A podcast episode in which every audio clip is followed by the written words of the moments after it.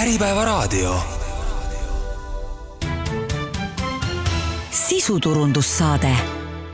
Tervist ja tere kuulama sisuturunduse saadet, minu nimi on Hando Sinisalu ja täna on mul külas äh, Magno Kure, kes on Smarteconi tegevjuht, Smartecon tegeleb päikeseenergiaga, aga nagu ikka sellisel juhul kombeks, ma palun Magnol teha meie kuulajatele selline lühike liftikõne, äh, mis ja kes Smartecon on, kui suur, palju inimesi millega täpselt tegeleb ja mille poolest on Smartecon eriline? jah, tere, mina olen siis Magno Kure ja Smartecon on äh, taastuvenergia ettevõte, me tegelikult täna enam ei identifitseeri ennast päikeseparkide ettevõttena, päikeseenergia ettevõttena, me oleme natuke üle kümne aasta vana, täna on meil umbes selline kolmkümmend viis inimest, natuke muutub siin igakuiselt, tegutseme lisaks Eestile Lätis ja Leedus ja otsime tegelikult ka, näiteks Soomes on meil võimalusi, ja meie peamine tegevus on täna siis ongi päikeseparkide ehitamine, mm, seadmete maale toomine ja, ja siis nende paigaldamine ja lõpp, lõpuks ka siis hooldus. et äh, jah, turul oleme me suhteliselt selline ütleme, oma ringkonnas tuntud tegija ja meil on väga suur kogemus just, just selliste suurte, suurte parkidega, suurte projektidega, kus siis äh, liitumisolukord on väga oluline näiteks et, et kui vaadata nagu teid äh, võrreldes äh, nende teiste firmadega, kes samas valdkonnas tegelevad, siis, siis teie tugevuseks on see, et te oskate pakkuda lahendusi just suurtele tarbijatele? no see on, see on üks asi jah, et me kindlasti, me oleme läbi teinud neid erinevaid projekte, meil on kindlasti seda kooliraha makstud, aga jah, meie enda taust siin, äh, minu ja teise kaasasutaja, et on elektrivõrkudest, ehk siis Elektrilevist ja Eleringist, mis tähendab, et meil on see pool väga selge, Eesti ja üleüldse Baltikum, kuna meie riigid on väga väiksed, siis meie võrgud on suhteliselt sellised ütleme, haprad ja Elering ja Elektrilevi peavad väga nagu tõsiselt võrgu eeskirju taga ajama, nii-öelda nende täitmist taga ajama, ehk siis Eestis liitumine on suhteliselt keeruline protsess ja meil on selles kindlasti väga, väga hea tugevus mm. -hmm. Kui nüüd rääkida päikeseparkidest, päikeseenergiast äh, laiemalt, siis, äh, siis noh, ilmselt ei saa mööda sellest nii-öelda elevandist toas, et äh, aasta tagasi umbes oli olukord, kus energiahinnad olid kõrged ja kus laenuintressid olid madalad, ehk et kui keegi soovis päikeseparki teha ja, ja mõtles seda nagu äriprojektina, siis äh, Excelisse või mõnesse muusse sarnasse programmi neid arve sisestades äh, paistis see pilt päris hea, et, äh, et sai odavat raha kasutada ja, ja müüa siis nii-öelda kallilt seda energiat edasi, nüüd tänaseks on olukord noh, põhimõtteliselt vastupidine. et intress on kõrge ja energiahinnad on madalad ja, ja tegelikult äh, Äh, noh, selliste ilmadega, nagu meil on praegu olnud siin juunikuu lõpus näiteks, kus on äh, päike paistab hommikust õhtuni, siis toimub tegelikult ületootmine ja, ja börsihinnad on ka sisuliselt seal nulli lähedal, et tegelikult nagu raske on müüa, kui kõigil korraga Eestis päike paistab ja, ja tarbimine on siis selline, nagu ta on. et et, et tundub, et selline noh, aastatagune väga hea äriidee täna enam nii hea ei paista. et mis te ütlete nendele inimestele nüüd, kes kes praegu vaatavad nendele numbritele otsa, mõtlevad, et pagan, et see, see arvutus küll siin ei, ei tasu ära? no eks mina panen südamele, et see, see arvutus ei saa olla tänaste või homsete või isegi järgmise nädala hindade peale või eelmise nädala. et me räägime ikkagi väga pikast kahekümne viie, kolmekümne aastasest investeeringust ja äh, noh, need, kes arendasid, ehitasid siis näiteks kaks-kolm aastat tagasi, nad täna ei mõtle, et see on suur, väga suur probleem, sest et noh, arvutused tegelikult tehtigi oluliselt madalat, madalamate börsihindadega, kui, kui eelmise aasta lõpp siin oli, et see selline kahe, kolme, neljasaja eurone megavatt-tunni hind ongi tegelikult ebanormaalne, seda keegi turult ei ootagi ja ilmselgelt noh, taastuvenergia tootja ei kuluta sel hetkel rohkem raha, kui, kui börsihind on kõrge. ehk siis äh, aga samal ajal kindlasti turg, võrgud kui selline on ikkagi muutumises, et kindlasti puhtalt ainult ühe tehnoloogiaga täna enam nii-öelda on keeruline, selles mõttes, et juba suuremaid parke, mis siis ühendatakse peamiselt põhivõrku Eestis, siis Eleringi tegelikult juba just sai siin Enefitil, ma ei tea, kuu või mõni nädal tagasi valmis äh, Purtse päikesetuulepark, mis on hübriid, ja noh, kindlasti me jõuame siin lähi lähiaastate jooksul ka salvestuseni, ehk siis mis aitab neid, neid tunde on ikkagi tegelikult äh,, ei ole iga päev, ei ole päev järjest, et neid tunde on noh, võib-olla kümneid aastas, et mida saaks tegelikult akuga siis kompenseerida. Nojah, see on, on jällegi üks, üks selline vastuolu, et ühest küljest, kui me loeme neid erinevaid rohepöördega seotud üleskutseid ja dokumente, siis kutsutakse üles nagu rohkem taastuvenergiat kasutama, samas äh, taastuvenergiaga, eriti päikese ja tuulega on, on see lugu, et kui päike paistab, siis paistab ta ühtviisi kõigile ja, ja siis see viib selle hinna alla ja siis, siis see nii-öelda nende parkide tasuvus äh, on, on madal, et, et nagu selline vastuolu, et kuidas, kuidas seda seletada, et et ühest küljest meil on vaja seda roheenergiat, aga samal ajal tänane selline hinnakujundus äh, nagu ei soosi seda, et põhimõtteliselt kui, kui kõik korraga toodavad väga soodsates oludes, siis, siis on noh, nii-öelda turu tingimusi puhtalt vaadates see on normaalne, et hind läheb alla, aga, aga, aga niimoodi ei saa seda äri ju teha. eks ta on jah, ta on selline ma ütleks regulaatoritelt, äh, riigilt ja võib-olla Euroopa Liidult selline põhimõtteline otsus, eks Euroopa Liit ju tegelikult äh, noh, väga tugevalt seda asja, taastuvenergiat siis nii-öelda siis propageerib, et tegelikult sarnased mured on, on suurtes riikides samamoodi, on Saksamaal, on Hollandis siin, ma ei tea, aprillis oli väga palju negatiivset hinda. aga seda ühest küljest aitavad, aitab kohaliku võrgu nii-öelda siis moderniseerimine ja aitab,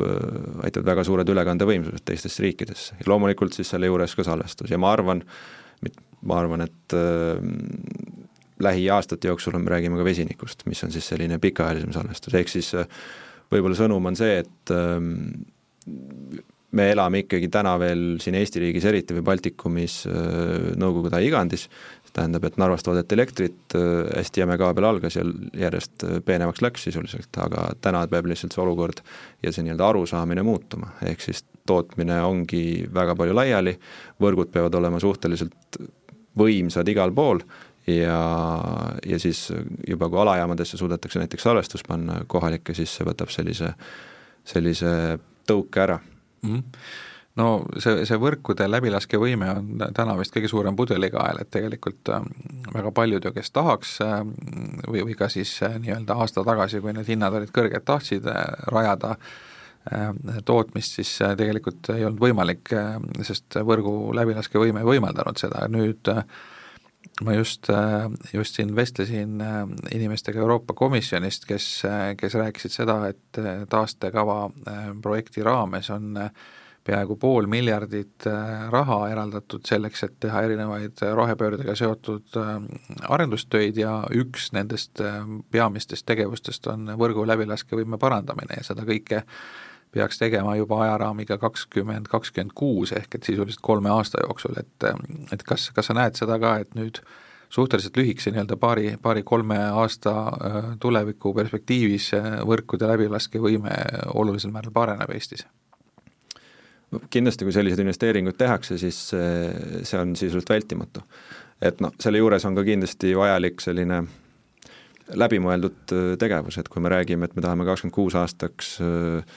suuri alajaamasid ümber ehitada, see tähendab seda, et rahvad tuleb ära tellida sisuliselt juba täna. et äh, see, see ei ole nii lihtne, et me nüüd ootame, ootame, ootame ja siis järsku no see raha vabanes sisuliselt kaks nädalat tagasi. jah, et äh, eks see ongi, nüüd on, nüüd on kõvasti tööd, kõvasti mõtlemist ja, ja teistpidi äh, mis, mida mina näen, et noh, kindlasti elektri tootmine ei ole selline igamehe õigus, et kui mul on maa, et siis ma pean saama ehitada, et selline võrkude poolt natuke läbimõeldum liitumisprotsess, et kutsuda siis sama piirkonna arenduse, arend-, arendamissoovijad äh, laua taha, rääkida läbi, kes mida saab, ja siis selline pikaajaline plaan teha, mitte nii, et mis noh, mis nagu toimub täna, et kõik saadavad liitumistaotlusi, loodavad, et saavad ja saadavad neid äh, kümneid ja sadu ja siis hoitakse lihtsalt äh, võrk, neid võrguettevõtjaid siis nagu koormuse all. et see eeldab nagu rohkem sellist kogukonna või, või sellist ühistegevust, et see ei ole nii, et iga mees üksi teeb, vaid, vaid see eeldab seda, et tuleks nagu nii eraisikutel, kui nad soovivad seda, kui arendajatel ja tööstustarbijatel ikkagi proovida leida neid sarnaseid huvilisi ja, ja leppida kokku ja, ja teha koos asju ja, ja kindlasti, et äh, nagu ma enne ütlesin, siis selline aeg, kus ühes kohas toodetakse elektrit ja tarbitakse siis erinevates kohtades, on, on juba täna tegelikult möödas, et äh, tootjaid on palju ja, ja noh, kindlasti ma ütlen, et eraklientidele, eramajadele peaks olema liitumine nii lihtne, et seda sisuliselt ei olegi vaja kuidagi eraldi menetleda, et nemad peaksid saama kiiresti, sest see on noh, see peab olema enamus tootmisest peaks tulema tegelikult eramajadelt ja katustelt ja, ja, ja edasi siis ongi tööstused, et tööstustel kindlasti pikaajaliselt vaadates on väga mõistlik endal omada tootmist, omada salvestust, annab ühest küljest selle võib-olla hinna nii-öelda siis silumise, teisest küljest ka energiajulgeolek, mis siin eelmise aasta alguses nagu väga päevakorda tuli. no sa rääkisid, et, et päikeseparki investeerimine on väga pika tulevikuperspektiiviga asi, et, et neid arvutusi tuleb teha ikkagi siin paarikümneaastase horisondiga samal ajal tehnoloogia areneb päris kiiresti, et, et kuidas, kuidas see täna on, et kui kõik maailmas sellega tegelevad ja see on prioriteet, et siis ma eeldan, et see tehnoloogia läheb ikka väga kiiresti paremaks, et kas see äh, paneelide pool, see nende äh, efektiivsus, äh, kas, kas, mis sa hindad, kui nüüd proovida tulevikku nii-öelda ennustada, et et kui heaks see läheb, et kui, kui kiiresti see paraneb, et kui noh, versus ma ei tea, kümme aastat tagasi toodetud paneelid versus täna versus siis ma ei tea, kaks tuhat kolmkümmend, et, et milline see, see efektiivsuse paranemise tempo on? ma arvan, et arvatakse, et see kiirus on suurem, kui ta võib-olla tegelikult on, et kui ma, ma olen ise töötanud ühes päikesepaneelitehases lühikest aega Eestis, siis oli selline tavaline paneel äh, kakssada, kakssada kümme vatti, täna on sama suur paneel, kuskil nelisada kakskümmend sinnakanti. Äh, samal ajal on paneelid läinud oluliselt suuremaks mõõtmetelt, me juba siin paigaldame ligi kaks pool ja ligi üks pool äh, nii-öelda mõõtudega paneele, mis on juba siis peaaegu seitsesada vatti. kindlasti on tehnoloogiliselt siin olnud hüppeid, et eh, noh, paneelid juba täna on suhteliselt tavalised, on sellised, mis toodavad mõlemalt poolt, ehk siis kahepoolsed paneelid, mis siis peegeldust püüavad, talvel tootlust oluliselt kasvatavad. Eh, aga noh, ma arvan, et see valdkond, kus toimub väga oluline hüpe ja tõenäoliselt kiiresti, on, on salvestus. et selline ja võib-olla selline mm, tark juhtimine, ehk siis eh, üks asi on tootmine, mis on noh, pigem lihtne protsess, aga seda õigesti kasutada, panna salvestusse selliselt, et sealt palju kaduma ei läheks ja lisaks see hind selle salvestuse juures siis nii et, et iseenesest äh, areng pigem on siis äh, mitte niivõrd paneelide efektiivistamises, vaid, vaid salvestuses, ma saan aru, aga, aga see paneelide puhul kas, äh, kas hind, noh, nii-öelda iga uue tehnoloogiaga on ka see, et me näeme, kuidas noh, olgu see arvuti või olgu see, ma ei tea, kas või Äh, lameekraan telekas, et, et tegelikult on näha, et nad tulevad alguses turule, maksavad ülipalju ja siis aja jooksul see hind kukub kivina alla, et kuidas paneelide hind on, et ma ei tea, ühe, ühe ühiku tootmise nii-öelda hind, et, et kui palju see on muutunud ajas, kui palju see on odavamaks läinud? kindlasti väga palju, et sel hetkel seesama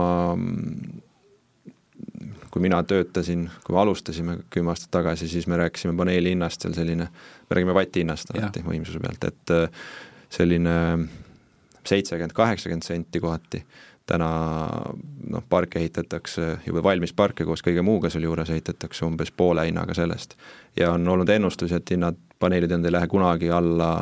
mingite numbrite, no see juhtub tavaliselt oluliselt kiiremini. nüüd on juba üsna pikka aega selline platoo, ma ütleks hinnas, et kindlasti noh, alati on piir ees, et kui me mõtleme seal, mis need materjalid lisaks siis sellele energiat tootvale elemendile on, nende hind pigem tõuseb, klaas ja alumiinium ja vask ja sellised komponendid, et pigem täna on platoo ja võib-olla nüüd mingi hetk siis tuleb mingisugune tehnoloogiline hüpe. No mingil määral nagu laptopi, laptop-arvutitega on, et enam-vähem tuhat eurot või tuhat dollarit maksab selline korralikum masin, aga lihtsalt ajas see, see, mida sa selle raha eest saad, on, läheb paremaks, aga iseenesest hind ei lange, et tuhat eurot maksab või tuhat dollarit maksab ta enam-vähem ikka, et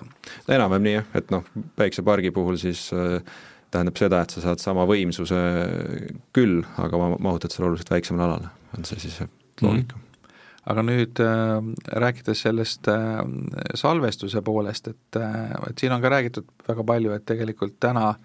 äh, ei, ei jõuta kaevandada neid metalle, mis on äh, vajalikud salvestuseks, eelkõige vist on see liitium ja koobalt, mis sinna, sinna läheb, et et elektriautod, eks ole, nõuavad seda, siis on igasuguseid muid äh, akusid, mida, mille järgi nõudlus muudkui kasvab. et, et maailmaturu nõudlus on nii suur, et, et meil reaalselt ei, ei jätku ressurssi, et maapõuest seda kõike välja kaevandada ja on, see on oma, oma korda ka keskkonnarisk, et et mis sa selle kohta arvad, et, et kas, kas me reaalselt nagu üldse suudame nii palju neid akusid toota, kui, kui vajadus on? Eks on raske öelda, ma ise selle nii-öelda tootmise poolega nii kursis ei ole, aga kindlasti see asi üleüldine akude elektriautodest alates, see sai alguse väga järsku ja väga selliselt nagu ilmselt samamoodi hakati lihtsalt tegema ja siis koobalt tuleb peamiselt Kesk-Aafrikast, kus tingimused kindlasti ei ole ette sellised, ei ole nõudeid selliseid, mis nad nagu võib-olla siin Euroopas on, isegi Hiinas, isegi sellistes riikides, kes on juba harjunud või kellel on, ütleme, traditsioonid äh, kaevandamises, tootmises, et kindlasti see on väga suur probleem, eriti koobalt, liitiumit on oluliselt äh, ütleme, laiemal alal üle maailma. aga ütleme, meie ringkonnas siin arvatakse, et liitium ei ole tegelikult see tehnoloogia, mis siis saab selleks kõige suuremaks, et või liitium raudfosfaat, mis ta täna on, et kas sealt nüüd koobalti välja saab, see on eraldi küsimus. aga kokkuvõttes äh, ma tahan loota, et äh, selle probleemiga kindlasti tegeletakse, sest et taastuvenergia valdkond kui selline ei saa endale lubada sellist äh, ütleme siis, silmakirjalikkust, et äh, justkui on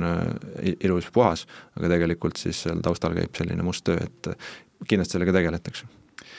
Nüüd vesinik on, on ka üks alternatiivne tehnoloogia ja, ja see tähendab siis seda, et parandame nüüd, kui, kui ma nüüd äh, väga sellist äh, asjatundmatut juttu räägin, aga mina olen sellest aru saanud, et see käib siis niimoodi, et äh,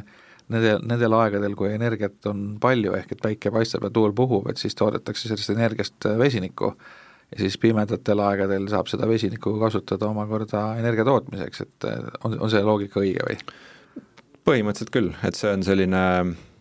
see on selline esinemine, esimene lähenemine, et äh, meie piirkonnas siin see tähendab, et ikkagi kõik tehnoloogiad, mis on vähegi võimalikud, tuul, päike ja sellist võib-olla veel mõnda puhtamat tehnoloogiat tuleb kõiki kasutada, sest vesinikutehnoloogia täna on nii kallis, et seda kasutada pool aastast on mõttetu tegelikult, et ta lihtsalt ei tasu ära. aga, aga kindlasti vesinikku on jällegi suhteliselt lihtne toota igal pool, lihtsalt see elekter peab soodsalt käes olema. aga see on kindlasti üks variant, kuidas äh, ühest küljest hinda siluda, teisest küljest siis seda üleliigset energiat kuskil tarbida. mis seal vesiniku tootmise puhul äh, noh, selles mõttes, et et noh, see tundub, et mis seal nii keerulist on, et see on nagu ise, iseenesest ju selline asi, millega on, on tegeldud, see element on ju vist üldse kõige, universumi kõige vanem element ja, ja sellega teadlased on tegelenud juba nagu väga pikka aega, et mis selles vesiniku tootmises nii keerulist on? keeruline ei olegi, lihtsalt energiamahukas, täna ju vesinikust tähendab, veest vesiniku kättesaamisel siis umbes seitsekümmend protsenti läheb kaduma, ehk siis kolmkümmend protsenti ütleme, kui me räägime sellest, et kulutad elektri vesinikuks ja vesinikust uuesti elektri, siis on alles umbes kolmkümmend protsenti elektrist. niipidi siis, et äh, et keerukust liiga suurt ei ole, kindlasti seda tehnoloogiat saab oluliselt veel efektiivistada, noh, suur, suurem mure täna on ilmselt see, et äh, ei ole veel palju tehnoloogiaid, mis mereveest suudavad äh, otse vesinikku teha, et alati on veepuhastusjaamad seal kõrval ja vee magestamisjaamad, aga alles lugesin mingit uuring või nii-öelda mm, artiklit, kus siis räägitakse, et äh, juba osatakse, et juba suudetakse toota, ilma siis äh, vahe, vahe nii-öelda etappe sinna lisamata. aga kokkuvõttes jah, vesinik äh, on juba täna olemas selliseid seadmeid, mis sul enam-vähem kodu keldrisse lähevad, siis on paagid juures ja teoorias juba võimalik, noh, rikkad inimesed võivad seda lubada, ta ei ole kindlasti täna selline nii-öelda laiatarbekaup vesiniku puhul räägitakse ka ohutusest, et tegelikult see rõhu all vesiniku balloon on nagu väike pomm, et, et iseenesest seal on see mure ka, et, et kuidas saavutada seda, et nad ei plahvataks. jah, kindlasti, et seda tänases olukorras selline no see on ikkagi värske, värske tehnoloogia selles mõttes, et ta ei ole olnud kunagi selline kasutatav, noh, veoautodes on juba täna veoautosid, busse. laevu, laevu vist. laevu, noh, see on kindlasti kõige sellisem, kõige lihtsam variant, et seal on suured mahutid niikuinii, aga noh, eks me ju sõidame iga päev veel täna suurem osa inimesi sõidavad autodega, kus on väga põlev materjal sees, et saame kuidagi hakkama, jah? saame kuidagi hakkama mm. -hmm nüüd äh, liitumine võrguga on siis see teema, et, et ka mõni, mõni aeg tagasi oli, oli päris palju ka meedias lugusid selle kohta, et näed, et taha liituda ei saagi. pole võimsusi ja nii edasi, või siis äh, esitati selliseid ulmelisi äh, arveid selle liitumise eest, et, et jällegi väga palju pahameelt tekkis, aga ometi on on olemas nüüd ka päris palju neid äh, nii arendajaid kui, kui siis ka äh, teisi ettevõtteid, kellel on see liitumine juba tehtud, et, et mis see potentsiaal täna on, et kui palju selliseid on, kellel juba nii-öelda võimalus on, on olemas, aga kes pole veel äh, alustanud äh, pärgi äh,, päiksepargi planeerimist? Ma nüüd täpset numbrit kohe ei ütle, aga see on kindlasti selline, see on umbes kahe gigavati kandis ja on veel selliseid, mis, kellel on natuke aega, kes siis peavad mingi aja jooksul äh, Äh, nii-öelda jõuavad veel valmis ehitada, et äh, deposiit äh, maksti siin selle aasta kevadel, aprillikuus, ja noh, väga palju on ikkagi alles neid arendajaid, kes siis on võtnud väga konkreetse kohustuse ehitada, sest liitumistasud suurte parkide juhul on suured ja liitumisperioodid pikad. et kindlasti see liitumise mure on õhus jätkuv, et äh, oli lootus, et selline, et see deposiit ühest küljest äh, vähendab siis neid nii-öelda, me nimetasime neid fantoomliitumisteks, fantoomvõimsusteks, mingil määral seda kindlasti on juhtunud, aga, aga täna veel me liitumispakkumistes seda väga otseselt ei näe kas nii-öelda need fantoomliitumised on midagi, millega loodetakse ka raha teha, et umbes, et, et ma igaks juhuks äh, broneerin endale selle võimsuse ära, ei pruugigi kasutada, aga äkki saab seda kellelegi edasi müüa pärast? Teoorias kindlasti, et eh, noh, see ongi sisuliselt ju arendamine, et arendusprojekte müüakse samamoodi. Ja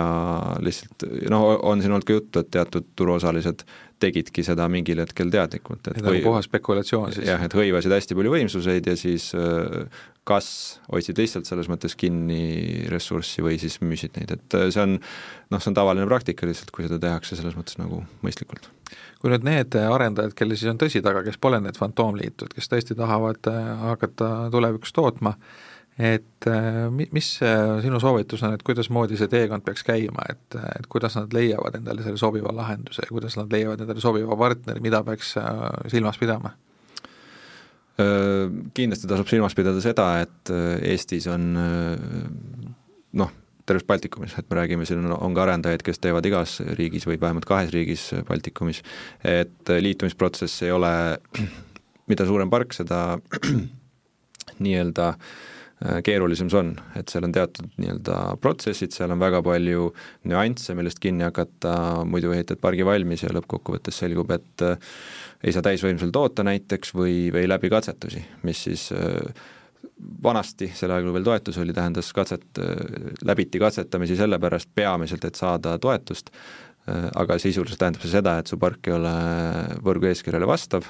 ja noh, me ei tea, mis, mis ta otseselt nii-öelda siin probleeme tekitab, aga põhimõtteliselt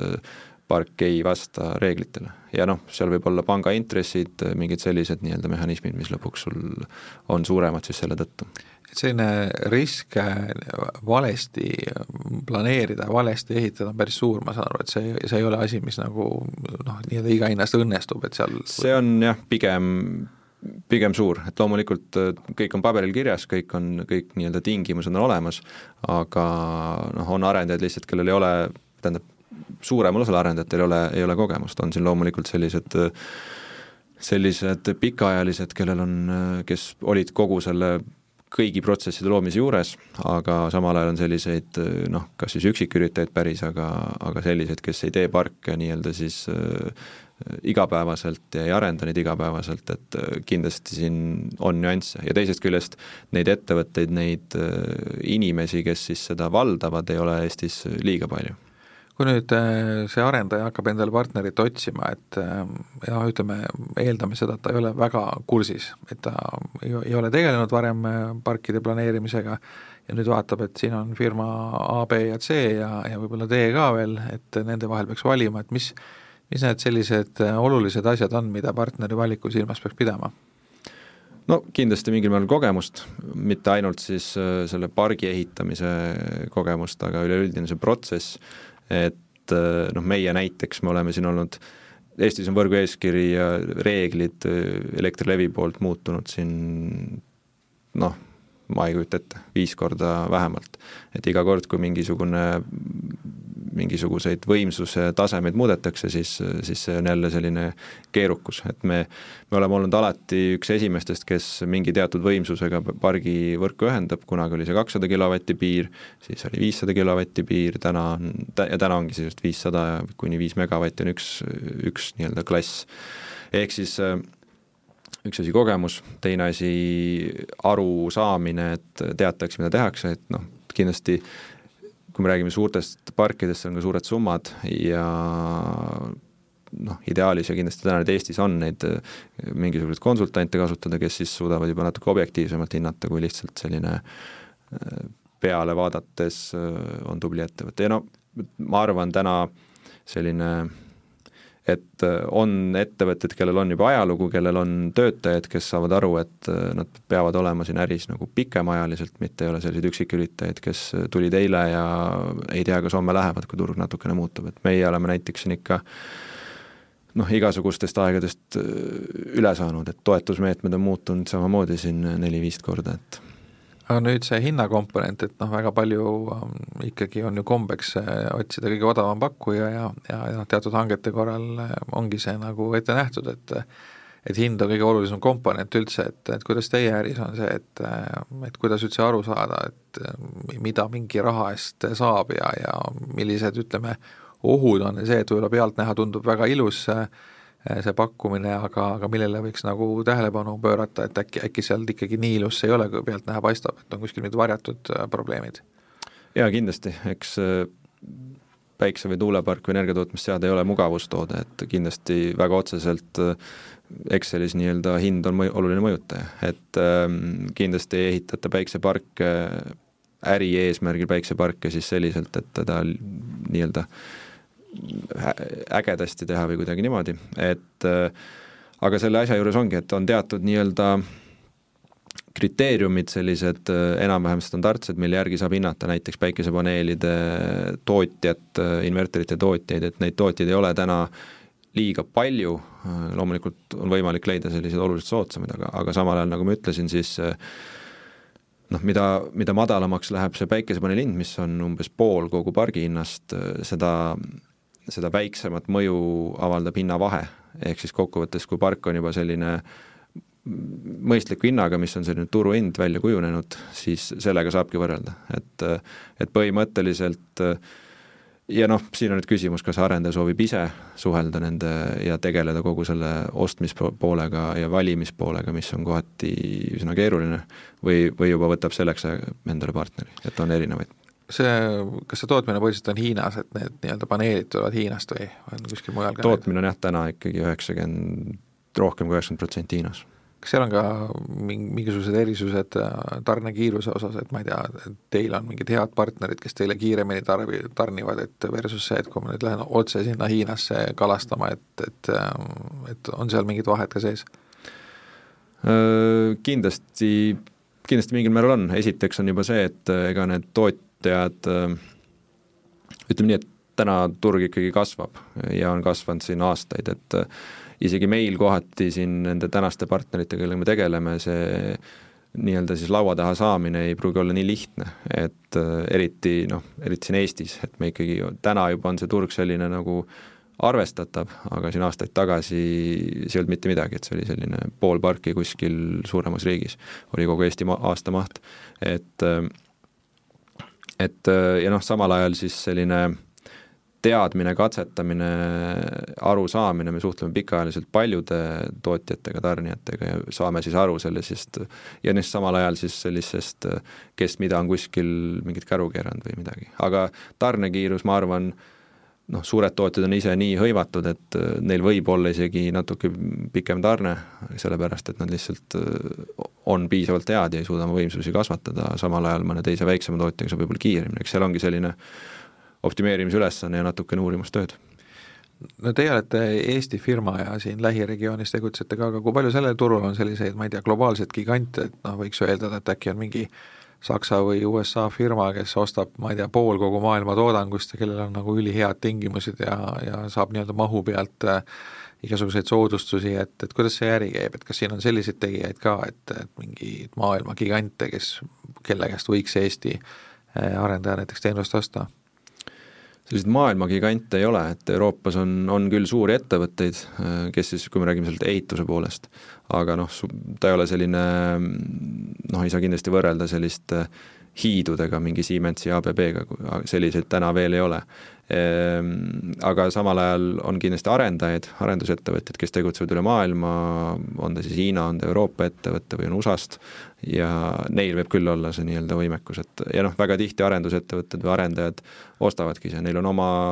juba pikaajalised partnerid samamoodi, nad on samamoodi seda kümme pluss aastat teinud ja siis otsivadki lihtsalt ehitajat või siis teatud komponentide nii-öelda tarnet ka mm. Aga nüüd äh, see, see terviklahendus, et ma saan aru, et teie pakute seda võimalust, et, et arendaja nagu nii-öelda ei pea ise üldse muretsema rohkem, kui et, et nii-öelda sõlmima lepingu ja raha maksma, et ülejäänud asjad teete ära, et seal nagu see, see on, on võimalus teha ka nii-öelda terviklahendusena ja on võimalik teha siis nii-öelda tükikaupa, et mingeid asju proovida ka ise teha jaa, et äh, siiamaani väga kõige tavalisem praktika oli ikkagi see nii-öelda siis võtmed kätte lahendus, ehk siis äh, sisuliselt äh, klient tuleb, mul on siin hoone või, või maalapp, hakkame pihta. alustame liitumisest, alustame kohalikust omavalitsusest, aga samal ajal, nagu siin korra läbi käis, siis selline, on olemas väga palju arendajaid, kellel juba protsess käib, kellel on ehitusload võib-olla olemas või siis projekteerimisel liitumine on töös, et täna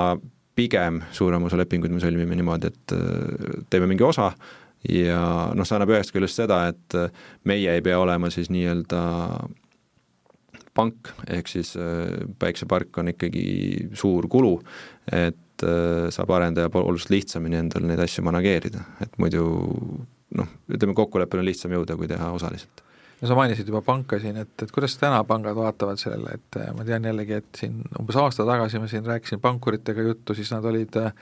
väga positiivselt meelestatud ja ütlesid, et roheenergiat nad hea meelega finantseerivad, kuidas täna sellega on, et kui, kui minna panka rääkima seda, et tahaks finantseeringut päiksepargile, et mis, mis näoga pankurid vaatavad? No kindlasti ta täna enam nii positiivne ei ole, et ütleme nii, et huvi on kindlasti suur, et taastuvenergiat enda portfelli tahavad, ma arvan, kõik pangad. samal ajal garantiid, noh, mitte et need eelmine aasta olemas oleks olnud, aga, aga sellised vähemalt virtuaalsed garantiid on nagu oluliselt lahjemaks jäänud. et kindlasti pangad nõuavad öö, oluliselt selliseid öö, suurema info olemasolu ja suuremate tagatiste olemasolu, kas ta siis on mingi su-, noh, emaettevõte näiteks mõnel juhul mingi käendus või ma ei tea, kui lihtne see variant, aga ütleme teoreetiliselt selline äh, pikaajaline elektrimüügileping, fikseeritud leping või vähemalt mingil määral fikseeritud leping, et seda kindlasti pangad ootavad. mujal maailmas, mujal Euroopas on see väga tavaline, et ilma sellist, sellise lepinguta üldse parke ei arendatagi, et aga meie turu suurus või siis pigem väiksus on see, et äh, neid pakkujaid, teenusepakkujaid ei ole liiga palju, äh, elektriostjaid, müüjad on suhteliselt ikkagi valitud ja nad saavad väga hästi aru, et kui, kui nende juurde tullakse, siis ollakse juba natukene nii-öelda, ehk siis neil on suur jõupositsioon, et sellist konkurentsi sellel turul on pigem vähe kas paneelide tootjad ise ka finantseeringut pakuvad, et noh, ma tean näiteks autoäris, et äh, autotootjad ise pakuvad finantseeringut tegelikult äh, sisuliselt on no, siin on olnud ju nullintressi ja ja, ja, ja muudes, muudes valdkondades vahel ka, et kas päiksepaneelide tootjad ka mingisugust äh, oma finantseeringut järelmaksu pakuvad? ei ole kohanud, pigem ei, ei usu, et seda tehakse. nõudlus on liiga suur, jah? no nõudlus on suur ja teiseks nagu öeldud, suurem osa on äh, Hiina ettevõtted ja kuidas nad üldse seda saaksid siin väga lihtsasti teha, loomulikult neil on kõigil, kõigil suurtel vähemalt on Euroopas oma, oma tütred, aga ja noh, teistpidi siis äh, noh, muu, muus osas julgeolek ka, et sa võtad natuke suure riski võib-olla sellega, et äh, keegi sulle midagi lubab. aga, aga jah, jätkuvalt ikkagi pangad on valmis, tegelikult valmis investeerima või finantseerima, investorid on valmis investeerima lihtsalt jah, võib-olla natuke rohkem tuleb endale seda tagalat kindlustada, et sul on mingid lepingud olemas, sul on mingid natukene rohkem, kui oli siin võib-olla paar aastat või eelmine aasta tagasi. Kui nüüd ajakomponendist rääkida, et oletame, et, et näid-, näide oleks selline, et on arendaja, kellel on siis äh, leping olemas, et tal on nii-öelda võrgu äh, võimsused broneeritud ja, ja nüüd tahaks hakata pihta, et kui, kui kaua see asi väl-, aega võtab, et, et see saaks valmis nii kaugel, et ta nagu täisvõimsusel töötab? sõltub võimsusest kindlasti, sõltub, kui kaugel selle liitumisprotsessiga ollakse, ütleme, kui kui keegi allkirjastab täna liitumislepingu, siis me räägime, ja noh, ütleme näiteks kahekümne megavatine park, siis me räägime ikkagi juba selline kaks aastat miinimum. mis see kõige rohkem aega võtab? Ongi liitumine ise, seadmete tarne põhimõtteliselt, on äh, liitumispunkti projekteerimine, hankimine ja teisest küljest siis pargi, pargi kom-, koosseisu kuuluvate alajaamade tarne, et alajaamade tarne täna on selline suurte äh, kõrgepinge alajaamade tarne on noh, poolteist aastat suurusjärk, ehk siis äh, kui projekteerimisega õigel ajal ei alusta ja sa-, tarnetega või tellimustega, siis, siis see lihtsalt lükkub edasi. Ja ehitamine ise, kui nüüd kõik komponendid kohal on siin, et siis äh, kui kaua see ehitamine aega võtab? sisuliselt sõltub, kui palju on brigaade ja mehi objektil, et päikseparke saab ehitada suhteliselt niimoodi laialt, ehk siis platsid on suured ja võib alustada ühest kohast, ühest otsast, teisest otsast ja kolmandast ja saada valmis siin noh, kahekümne megavatine park isegi kahe kuuga. Aga, aga jah, kui suur see vajadus on, kui, kui, kui see muu eluiga või nii-öelda ehitusaeg sellel pargil on selline kaks aastat, et saab timmida igatepidi, võib ehitada seda pool aastat, me oleme näiteks Saksamaal läinud ühte päikseparki sada kaheksakümmend megavatti, mis on noh, ikkagi kolossaalne, ja seal läks alla aasta kokku see ehitusprotsess. kas selles valdkonnas ka nii-öelda järelturg või second-hand asju müüakse või, või seda pole võimalik? Müüakse, et äh, teatud riikides on, äh, toetused olid üks, üks hetk väga sellised äh, ütleme, positiivsed ja väga äh, väga magusad, et siis äh, pargi võimsust tasus kasvatada kuskil, ma ei tea, viis aastat pärast ehitamist. et äh, kindlasti on selliseid, on ka selliseid, äh, mis on kunagi mingil põhjusel ostetud, aga pole paika pandud, mida saab siis, aga noh, seal ei ole nagu äri. Eestis pigem vähe, et täna me ikkagi räägime siin viis aastat turust, et enne seda ei toimunud sisuliselt midagi. inverterid võib-olla siin isegi saab müüa, aga no ta ei ole massiline, aga teda on mm. -hmm ja lõpetuseks hooldusest ka, et, et kui palju nüüd, kui see park valmis on ja töötab, et kui palju või mida peab arvestama selle pargi hoolduse puhul ja mis, mis toimub talvel, kõik lume ja külma ja selle nii-öelda kliimakomponentidega seal? No kui rääkida ilmast, siis tegelikult talv on selline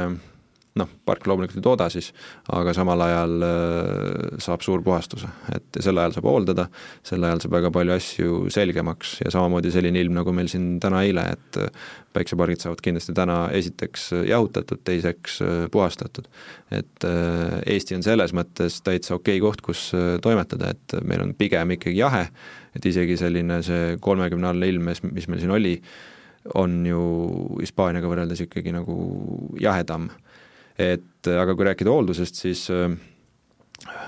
elektrijaama hooldus on kindlasti vajalik, eriti suurte parkide puhul, kus me räägime, kus meil on alajaamad, trafod, elektripaigaldis on kogu see peamine asi, mis võib seal rikki minna, et kui paneeliga midagi juhtub, see on üldjuhul selline,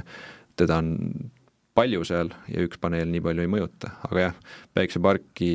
tasub hooldada, tasub äh, hea partner selleks võtta. seda teete ka teie või on äh, sellega me tegeleme, et täna ta ei ole selline äh, nii primaarne, et me enda ehitatud parki kindlasti hooldame ja seal juures oleme,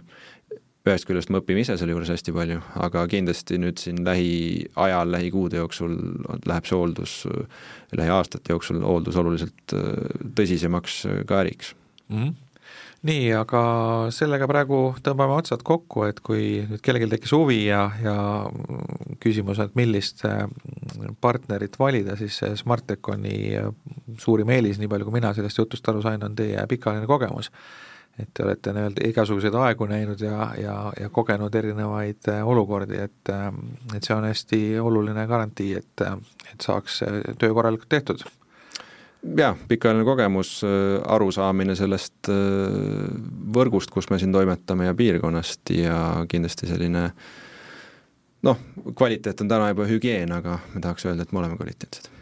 aitäh, meiega vestles Magno Kure, Smarteconi tegevjuht, mina olen saatejuht Ando Sinisalu ja aitäh kõigile kuulajatele!